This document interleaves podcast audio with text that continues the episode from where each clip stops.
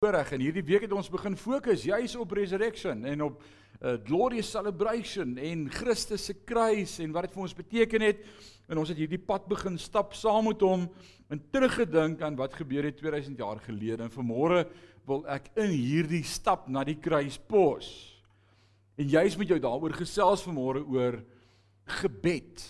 En die gebed wat die verskil gemaak het vir die mensdom Die gebed wat die verskil gemaak het vir my en vir jou. Daar's een gebed wat in my lewe die verskil gemaak het.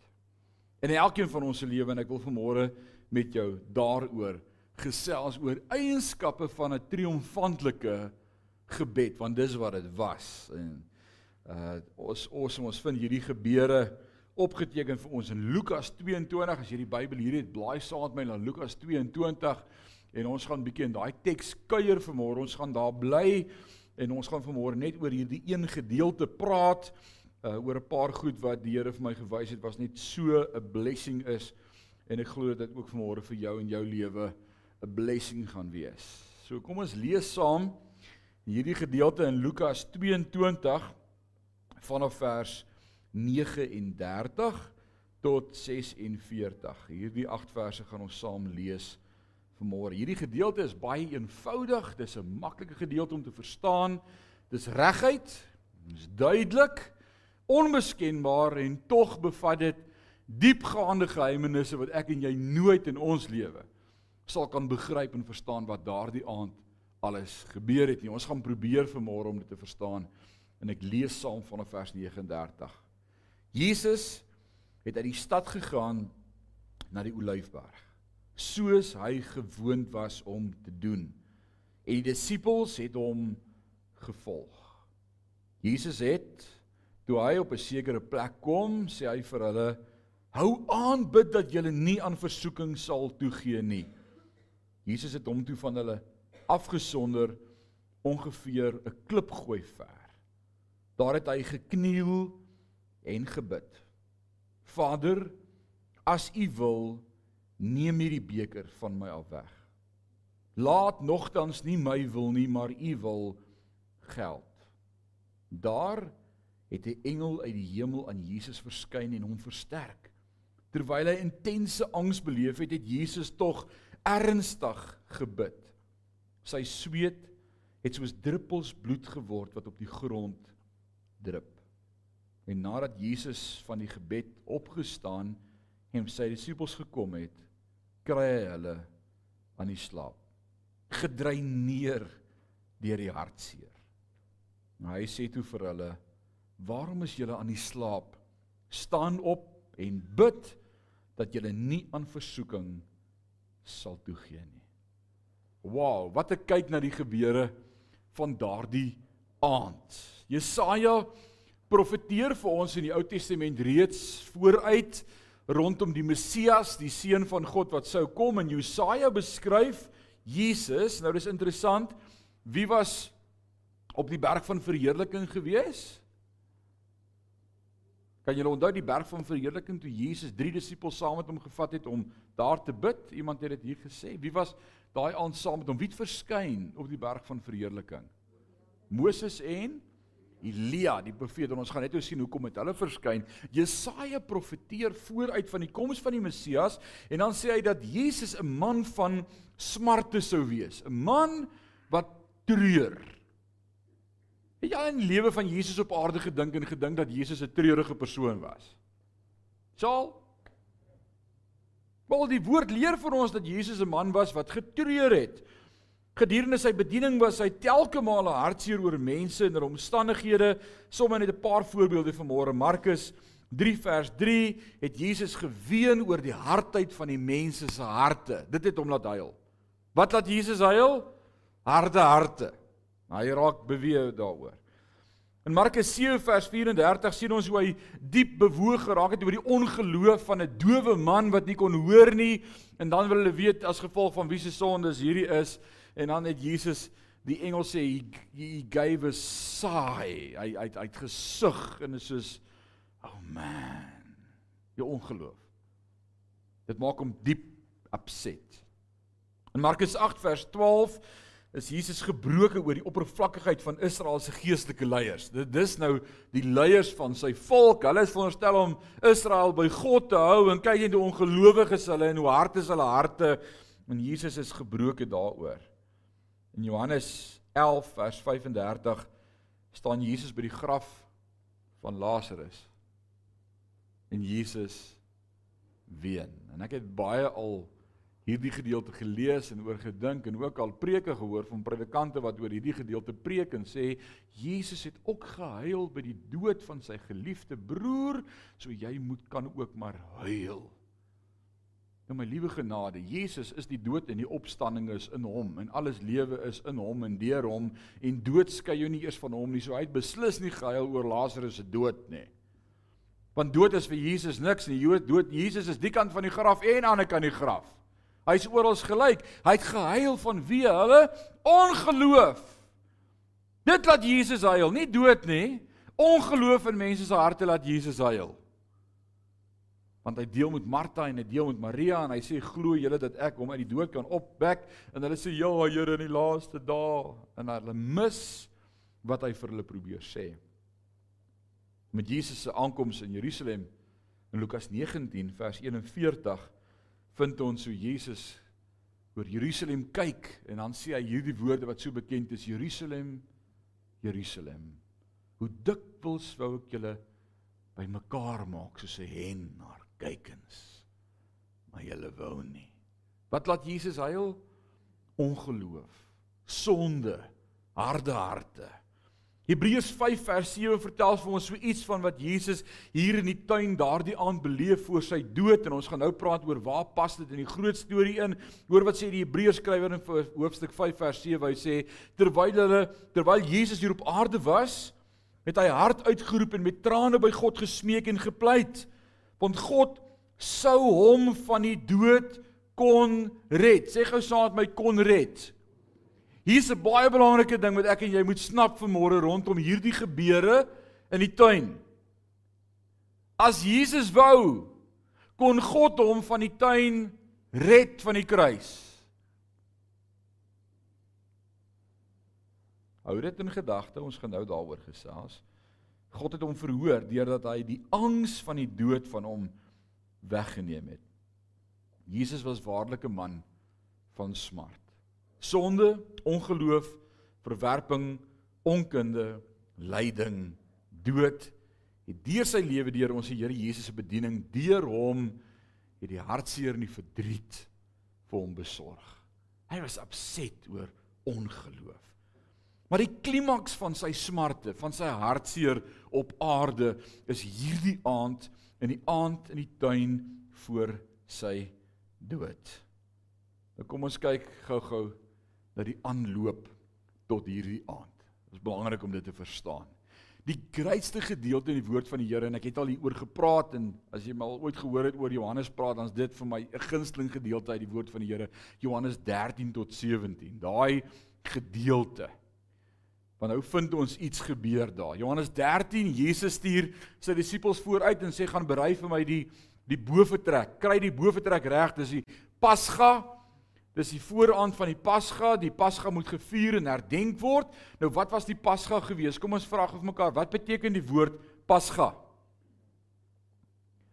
Dit kom van die Hebreëse woordjie Pasach af. Wat wat beteken?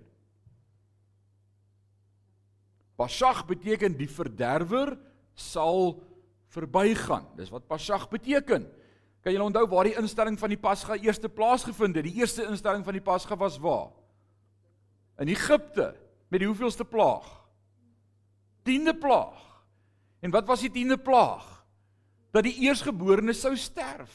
En dan kom Moses en hy praat met die volk en hy sê julle slag 'n lam.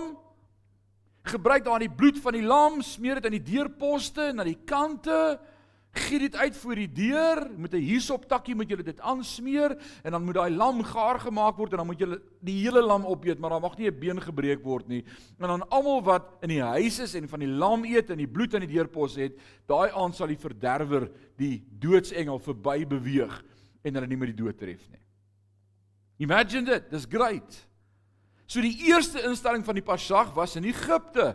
En nou herdenk hulle daardie Pasag want hierdie instelling in Egipte was ook 'n profetiese vooruitsig, 'n profesie prakties van dit wat sou gebeur as Jesus kom as lam van God. Daar sal nie een been in sy liggaam gebreek wees nie. Hy sal sterf deur sy bloed aan ons deurposte gaan ons verlos word van sonde, deel word van die kerk van die Here Jesus Christus. Hy gaan die sonde op hom dra en ek sal lewe en vir die duiwel sê hou verby. Jy het nie meer hou vas op hierdie lewe nie. Nou behoort ek aan Jesus. Niks sal my ooit weer van hom kan skei nie. So die Pasag en die instelling daarvan wat elke jaar moes gebeur met Paasfees En een keer 'n jaar het die hoëpriester ingegaan in die allerheiligste om te offer en uitstel te vra van sondes vir nog 'n jaar. Onthou voor Christus was daar nooit sonde vergewe nie. Dis net uitgestel. Want die prys van die sonde is die dood. Dit was die prys. En vir 4000 jaar al wat hulle doen is hulle sê Here, kan ons net nog uitstel vra vir nog 'n jaar. Dalk hierdie jaar kom die Messias ons glo die Messias gaan kom, maar spaar ons net vir nog 'n jaar. Dalk kom hy hierdie jaar. So op hierdie vooraand van Paasfees gebruik hierdie Jode ook in die boefretrek dan die Pasga. En daardie aand sê Jesus 'n paar interessante goed. As hy die brood vat en breek, dan sê hy hy verander nou die woorde. Hy sê hierdie is my liggaam. En dan dink ek, wat praat hy nou? Hierdie is my liggaam. Neem eet daarvan. En dan vat hy die bloed en dan sê hy of die beker dan sê hy hierdie is die bloed van die Nuwe Testament, dis my verbond. Ek sal nie weer met julle van hierdie brood eet of hierdie beker drink nie totdat ek weer met julle verenig gaan word op daardie dag as ek julle kom haal. Hy het nie 'n klou waarvan hy praat nie. Hulle dink so wat gaan met hom aan vanaand? Ons het al 3 keer saam met hom die Pasga vier vir 3 jaar en nou praat hy snaakse goed vanaand en dan begin hy verder praat en hy sê my einde het nader gekom. Ek gaan sterf. My uur het aangebreek. My tyd het gekom waarvoor ek gestuur is om die sonde van die volk op my te dra. Vir eens en vir altyd gaan ek sonde word vir julle. En dan begin die disippels hard huil. Hulle is upset, hulle is ontsteld. En dan sê Jesus hierdie pragtige woord in Johannes 14 vers 1 wat een gedeelte is: Laat julle harte nie ontstel word nie, manne. Glo in my, glo ook in God, want in die huis van my Vader is daar baie wonings. Ek gaan hom vir julle 'n plek te berei. En dan nadat hy dit gesê het, begin hy met hulle gesels oor die Heilige Gees wat sou kom. En dan na 12 daardie nag sê hy vir hulle kom dat ons gaan bid in die tuin. En dan stap hulle aan die weste kant van Jerusalem op die Tempelberg verby die tempel wat so in die volmaan sou skitter daar die groot muur van die tempel waarop daar 'n groot druiwe tros was wat uit goud uitgemaak is dit was Salomo se se se begeerte gewees want want hy is die rots die druif die vrugte die wingerdstok waarvan geprofeteer is en dan stap hulle daardie aand so verby die wingerdstok wat so lekker blink in die maanlig en Jesus weet wat gaan voorlê vir sy disippels wat nou gaan gebeur. En dan lees hy hulle gedagtes en hy praat met hulle en sê in Johannes 15 vers 1 wat een gedeelte is terwyl hulle so stap sê hy vir hulle ek is die ware wynstok. Is julle in my bly? En ek in julle? Sal julle vrug dra Dis nie 'n stelsel nie, dis nie 'n organisasie nie, dis nie Judaïsme in die tempel nie, dis 'n verhouding. En dan stap hulle deur die Kidron Vallei teen die voet van die Olyfberg so op en dan's daar 'n tuin, die tuin van Getsemane, 'n groot tuin vol olyfbome. En dit was my voorreg om twee keer daar te wees. Dis massiewe reusagtige olyfbome. Ek dink twee of drie ouens kan hande vat en amper so om hulle staan, party van daai bome. Dis huge. Hulle is al vir jare daar. En dan los hy 8 van sy disippels. En dan sê hy vir 3 van sy disippels, ek wil hê julle moet bietjie eenkant kom. Ek wil net bietjie met julle in alleen praat asseblief. En dan roep hy vir Petrus en vir Johannes en vir Jakobus. Dan roep hy hulle eenkant en sê, "Kan ek julle net bietjie nader spreek asseblief?" En dan stap hulle so eendag en dan sê hy, "Ek wil hê julle moet saam met my ernstig bid asseblief." Manne, ek het nog nooit vir julle gevra om saam met my te bid nie. Maar vanaand wil ek hê julle moet saam met my bid. En dan los hy hulle en dan sê die woord uit nog so klip gooi. Hoe ver is 'n klip gooi? 30 meter, dankie. Hy het so klip gooi verder gegaan en dan hy alleen gaan bid. So dis die gebeure, dis wat hierdie aand gebeur. Dis waar hulle begin het tot waar hulle nou is. Nou hier's hier's iets awesome wat ons moet sien uit hierdie gedeelte vanaand want hierdie gebed van Jesus as jy dit reg verstaan vandag gaan jy man is amazing wat eintlik hier moes gebeur daai aand. En hier's vier faktore, vier boustene wat ek wil uitlig vandag om te sê wanneer gebed kragtig is. Wanneer jy wil hê gebed moet krag hê, triomfantelike gebed het vier boustene. En nou sien dit uit hierdie verhaal uit van die gebed van Jesus. Die eerste ding wat belangrik is om te sien vanmôre as ek en jy na hierdie teks kyk, is die eerste aspek van triomfantelike gebed is antisipasie. Antisipasie. Wat is antisipasie? Meneer Son, gee vir ons 'n mooier woord vir antisipasie. 'n Praktieser woord. Wat sê julle? 'n verwagting of 'n afwagting hoor ek? Wat sê julle nog? Pieter, jy is een van die blokkies raaisels. Sewe let. Voorbereid om to be prepared, kan ek sê paraat. Alraait, ek is ek is voorbereid vir iets. Daar's 'n afwagting, daar's 'n 'n verwagting. Ek is gereed, daar's 'n gereedheid. In die eerste plek sien ek dat daar 'n gereedheid was by Jesus toe hy hierdie gebed gaan bid het. En wat was sy gereedheid? Waarop was hy gereed? Hy was gereed vir die versoeking wat gaan kom van die vyand af dat hy moet kop uittrek. Nie dat hy nie sal deurgaan met hierdie proses van sy lewe neerlê nie. Die versoeking sou wees wat aan hom gestel gaan word en hy antisipeer dit want hy ken die plan van die vyand en die woord sê ons is met die plan van die vyand nie onbekend nie. Is dit nie wat die woord sê nie? Wat sê Johannes 10 vers 10? Wat is die plan van die vyand? Die dief kom om te steel en te slag en te verwoes, maar ek het gekom sodat jy lewe en lewe in oorvloed sal hê. So die vyand se plan is om te steel, te slag en te verwoes. Ons is met sy plan nie onbekend nie, ons weet dit. En Jesus antisipeer dat wanneer hy gaan bid in hierdie aand, dat die vyand weer gaan probeer om God se plan te verander. Nou kom ons sê dit vir mekaar vanmôre wat belangrik is in die aanloop na hierdie week toe wat voorlê is die duiwel het Jesus nie kom kruisig nie. Die duiwel het alles in sy vermoë gedoen om Jesus voor die tyd dood te maak sodat hy nie die lam van God sou wees op Paasfees nie, want hy het geweet wat die profesie is aangaande Christus. En daarom sê die woord telke male in die evangelies vir ons, toe hulle Jesus weer soek, was hy weg. Hulle het nooit geweet waar hy is nie. Dan sy hier en dan stuur hulle ouens uit en as dit daar kom dan sy weg, dan sy op 'n ander plek. Hulle kon nooit hulle vinger op hom lê nie behalwe hierdie aand weet Jesus dis my tyd. Hulle gaan my kom vang en dan bid hy so mooi. Hy hy sê dit ook vir ons. Hy sê my lewe word nie van my gesteel nie, maar ek lê my lewe neer. So die vyand probeer als in sy vermoë om hierdie aand nie te laat gebeur nie. Hm. Jy al daaroor gedink? Jy het gedink die duiwel het gewen daai aand. Nee. God het gewen. Want hy gee sy lewe.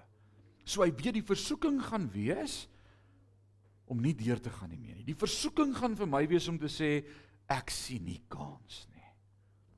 Nou hier's 'n interessantheid wat ek vanmôre jou fokus op wil let. My versoekings en Jesus se versoeking daardie aand in die tuin is nie dieselfde nie. Kom ek help jou. Die woord sê vir my Romeine 1 ek is in sonde gebore en ontvang en dit ontbreek ons aan die heerlikheid van God. Ek en jy is in sonde gebore. Ons is gewoond aan sonde van kleins af. Ek hoef nie vir my laaitjie te geleer het hoe om te lieg nie. Dit het van self gebeur. As hy in die kombuis kom, hy was 3 jaar oud en hy het die stoel nader gesleep na die koekie jar toe en op die stoel geklim en die glasdeksel is nog so langs aan en die koekie sit nog so om sy mond en dan vra ek vir hom wie die koekies gevat het. Hy sê nee ek nie. Moes een van julle leer hoe om te jok. Kom van self. Brein. Dis instinktief. Dis daai sondige natuur waarin ons gebore is. So ek en jy is uit sonde gebore en ontvang. Dit ontbreek ons aan God se heerlikheid. Maar Jesus is die seun van God. Hy's heilig. Hy's sonder sonde, sonder gebrek, sonder vlek, sonder rimpel, sonder letsel. Geen sonde in hom nie, geen bedrog in sy hart nie. Hy's die lam van God. En sy versoeking daardie aand gaan wees om te sê ek sien nie kans om hierdie sonde van hierdie mense op my te neem en my te bevlek en te skei van die aangesig van God. En die gevolg gaan wees dat God sy aangesig vir my gaan wegdraai en dat ek alleen verlaat aan die kruis. Ek sien nie daarvoor kans nie. Dis te vuil en te sondig. Dit was sy versoeking. Dis anders as myne. Ons probeer heilig word. Ons probeer die sonde agterlaat en sê nee, hou nou op daarmee. Ek groei en ek word heilig en ek en ek groei nader aan God. Jesus se versoeking was om te verstaan hy moet sonde word. Man, dit was 'n vloek.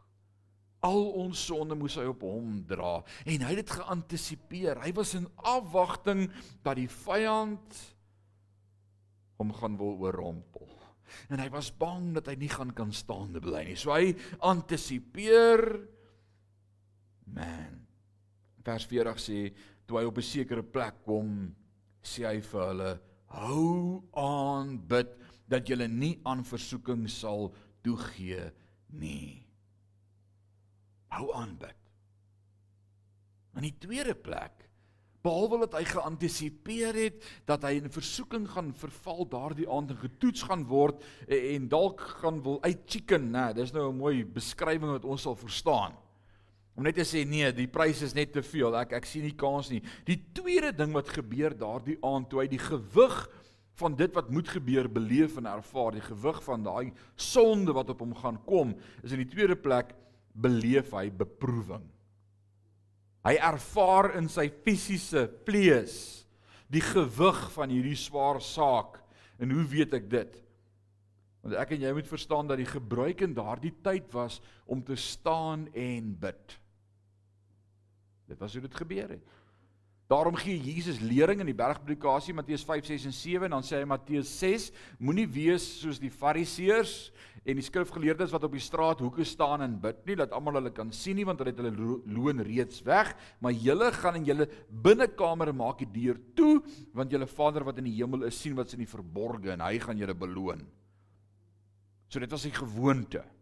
Gestaan Maar nou sê die woord van die Here vir ons iets daardie aand wat gebeur het, daardie swaarigheid as hy gaan bid om alleen hy het die oomblik daar toe hy daardie beproewing beleef en ervaar. Nou Lukas is is is nie baie duidelik hieroor nie, maar Matteus en Markus vertel vir ons hoe hoe Petrus, Jakobus en Johannes bietjie verder gegaan het en dan sê hy in vers 39, hy het toe 'n bietjie verder neergeval en met sy gesig plat in die grond gebid. Hier, hier skryf hulle vir ons iets wat vir my iets vertel van die gewig wat Jesus in sy gees beleef het, die intensiteit van om te bid.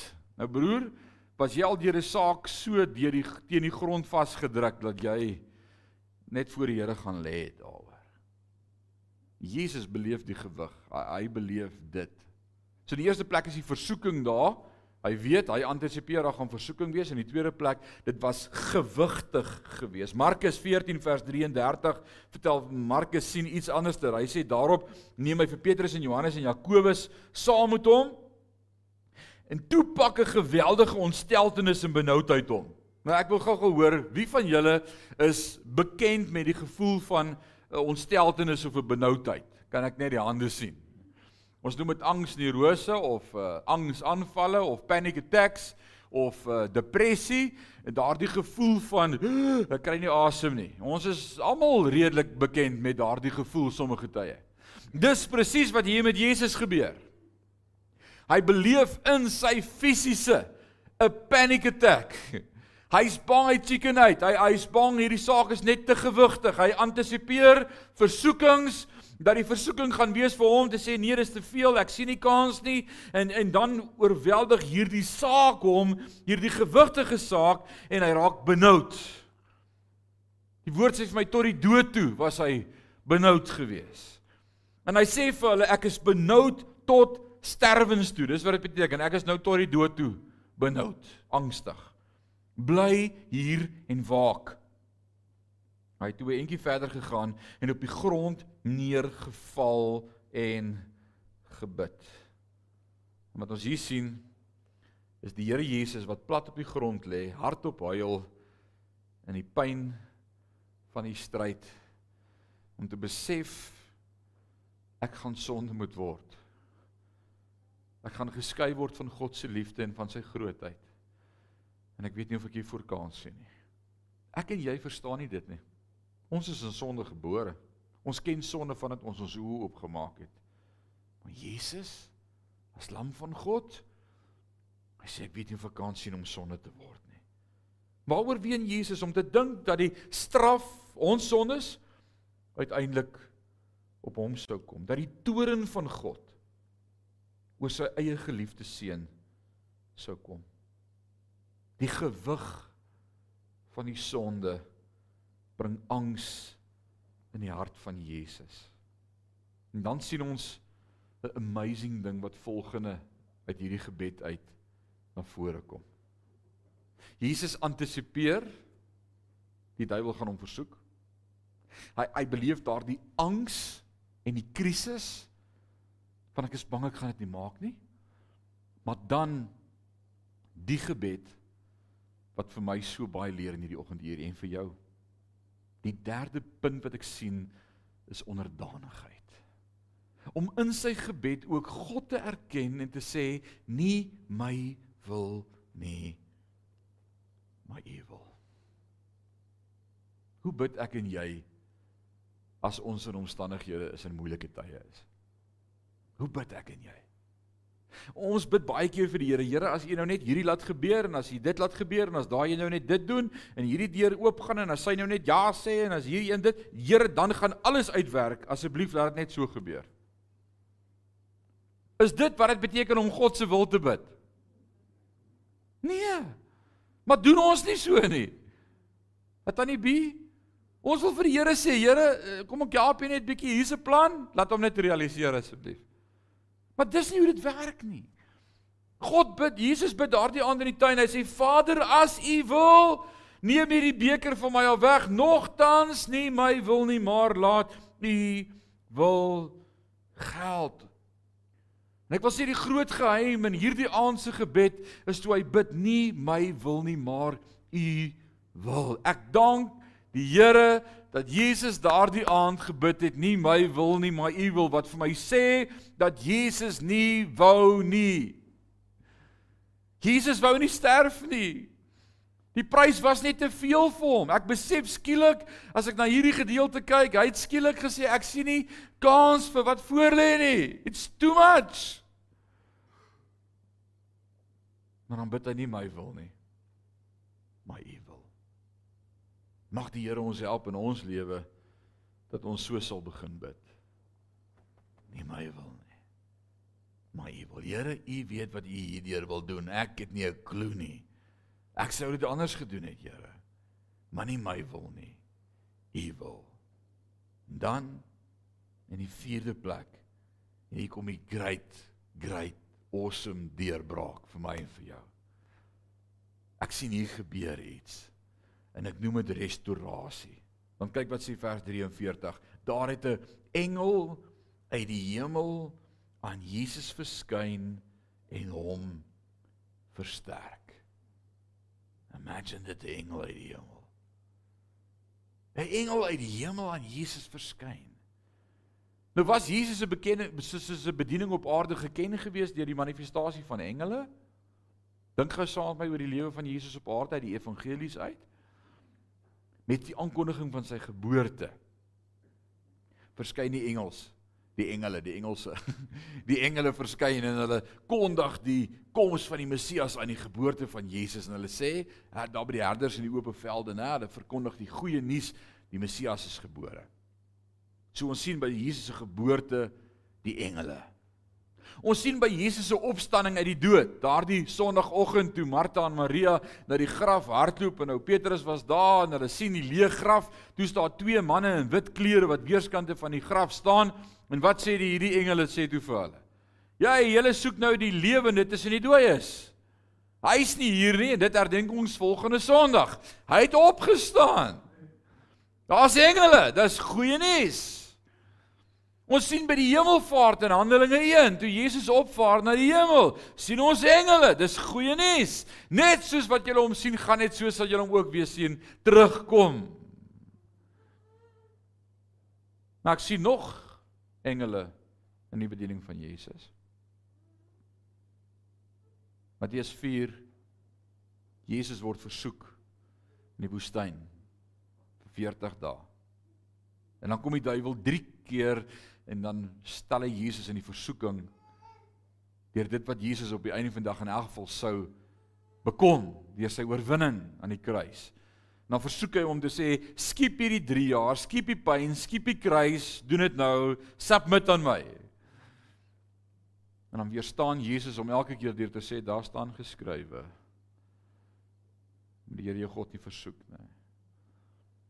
En na 3 keer se oorwinning verskyn engele aan Jesus in die woestyn en hy het hom bedien. Jesus gee sy stamp of approval. God gee sy stamp op die lewe van Jesus deur te sê jy you made it. You made the right choice. Jy het nie ingegee op die versoeking nie. Ek is trots op jou. Ek bedien jou. En dan nou hier in die tuin nadat Jesus op die plek kom wat hy dan bid en dis wat die oorwinning gee nie my wil nie maar u wil. Stuur God engele om hom te sê you made the right choice. It's going to be difficult my boy. You're going to be alone but it's the right choice. Nee die engele versterk hom. En die woord sê God vat die vrees van hom al weg om te sê okay nou het ek boldness om te sê dit moet gebeur. It's great Maar ek sien iets nog hier in vanmôre. Jesus gee sy disippels dieselfde geleentheid om saam met hom 'n tyd van gebed te beleef, net so lank soos hy te bid. Maar hulle slaap. As ek en jy môre 'n moeilike dag het wat vir ons voorlê. Môre gaan die voor die son opkom, gaan die dag begin en daar's moeilike besluite om gemaak te word en dinge wat gaan gebeur. Dan sê ons mekaar, luister, môre is 'n moeilike dag, ek moet vroeg in die bed. Is, is dit nie so nie? Kan nie vanaand laat gaan slaap nie, ek moet môre vas wees. Jesus sê môre is die dag waarop die kruks van die heelal gaan draai. Ek kan nie bekostig om verkeerde besluite te neem nie. Ek moet in God se teenwoordigheid kom. Ek moet daaroor gaan bid.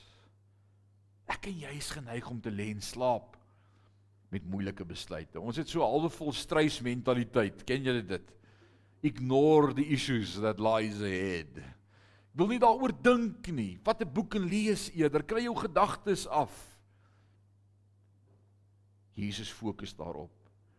Maar hy gee ook vir sy disippels die geleentheid om net so lank soos hy daarop te fokus en saam met hom te bid. Nou baie interessant in die boefretrek toe Jesus met sy disippels praat oor wat gaan gebeur en Petrus uiteindelik snap ook hy Jesus sê hy gaan regtig doodgaan. Toe sê Petrus, "Waar u gaan, gaan ek." En as u sterf, sterf ek saam met u. Kom ons om, man, kom ons om. En die ander disippels sê Johannes 13 vir my, gaan lees maar daar. So al die disippels wat oor is sê, nee. As dit moet dan gebeur dat ons sterf saam met hom. Een vir almal en almal vir een. Dink soos Brak en Jan en sy musketeers. Nou. Ekskuus, nou gee ek my ouderdom weg. Vandag se tieners sal dit glad nie verstaan nie. En dan kom die uur. En waar is Jesus se disippels? Hulle laat spaander. Ou Petrus, wat die een was wat gesê het ek sal by u bly, hy staan so op 'n afstand. En toe die diensmeisietjie van die hoofpriester daar by hom kom en vir hom sê: "Hoorie, maar as jy nie een van die disippels nie, wil jy nie nader staan aan Jesus nie?" Toe sê die woord hy het gevloek. Nou daai woord wat gebruik word aan sy taal gebruik, die woorde wat hy gebruik word is letterlik, hy het 'n paar van sy matrooswoorde probeer onthou van voordat die Here in sy lewe gekom het en hy het probeer vloekwoorde gebruik sodat sy nie sou weet 'n kind van die Here praat mos nie so nie.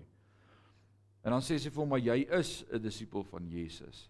En dan sê die woord voordat die haan eenmaal gekraai het, het hy Jesus 3 maal verloon. Ons dink baie keer die haan het 3 keer gekraai, nê? Uh uh, hy het Jesus 3 keer verloon voor die haan gekraai het. En waar's Petrus dan nou as Jesus gekruisig word? En dis wat gebeur wanneer ons lê en slaap plaas van om onsself oor te gee aan God se wil wanneer die moeilikheid kom is ons weg. Om te dink hoe dit sou wees dalk as die disippels saam met Jesus tyd spandeer het in gebed en saam met hom wakker gebly het en gebid het. Imagine wat sou gebeur.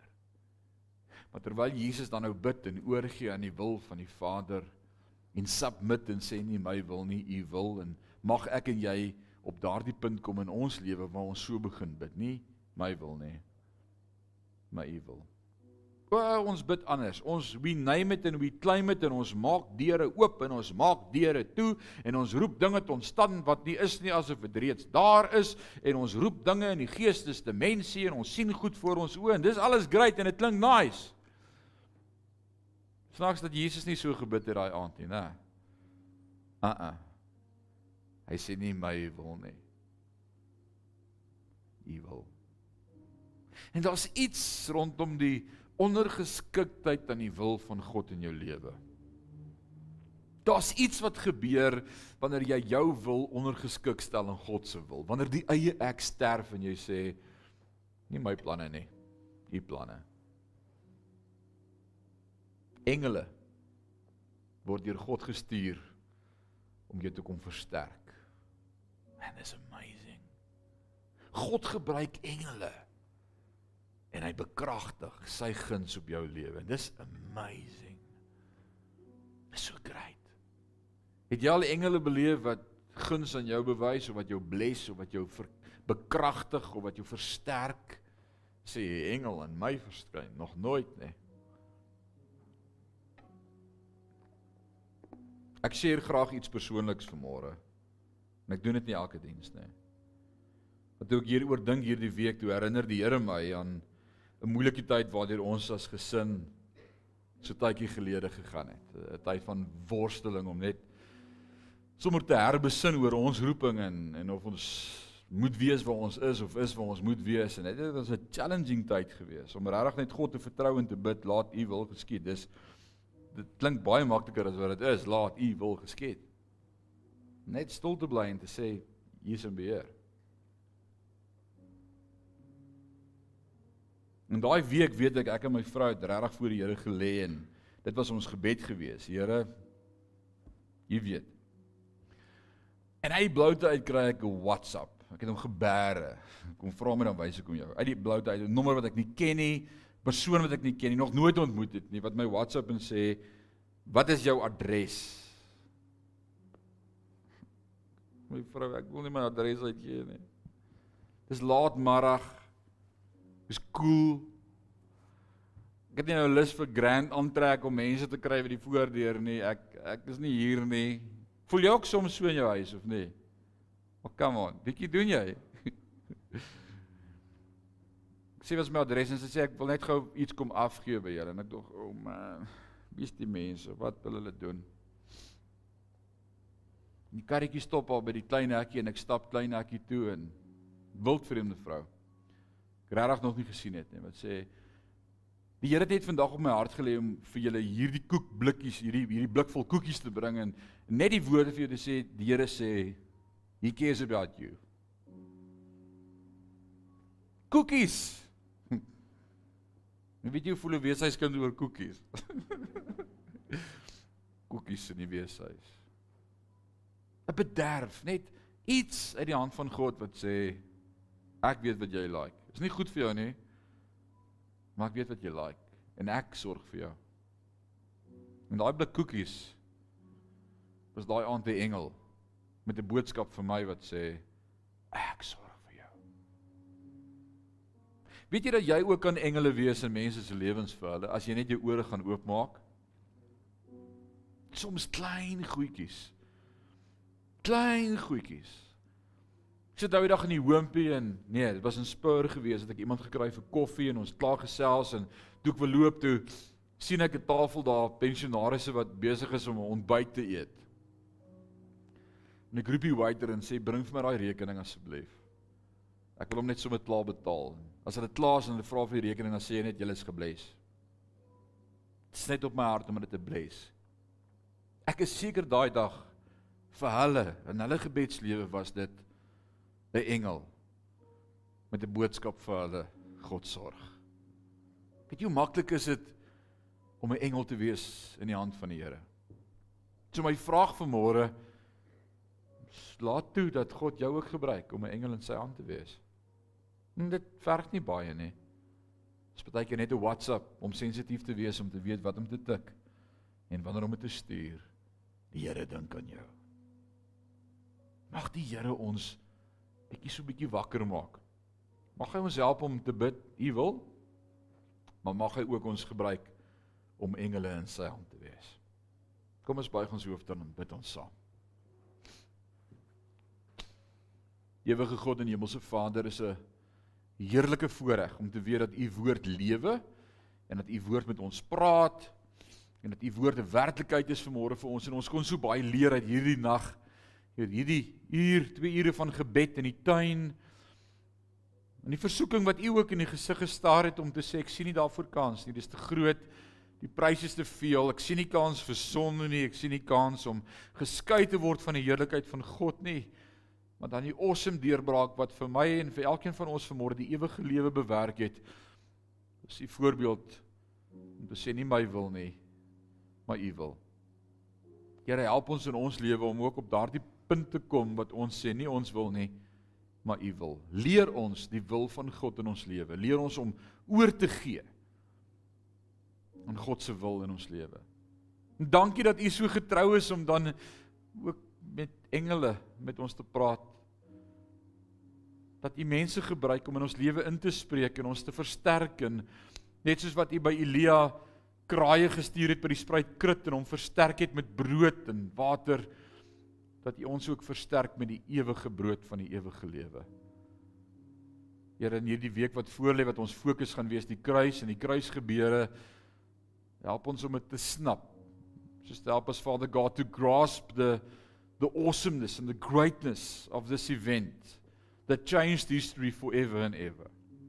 So that we can be part of the kingdom of God, sons and daughters of the utmost high. Ons loof U daarvoor. In hierdie dag hou ons vas in die holte van U hand.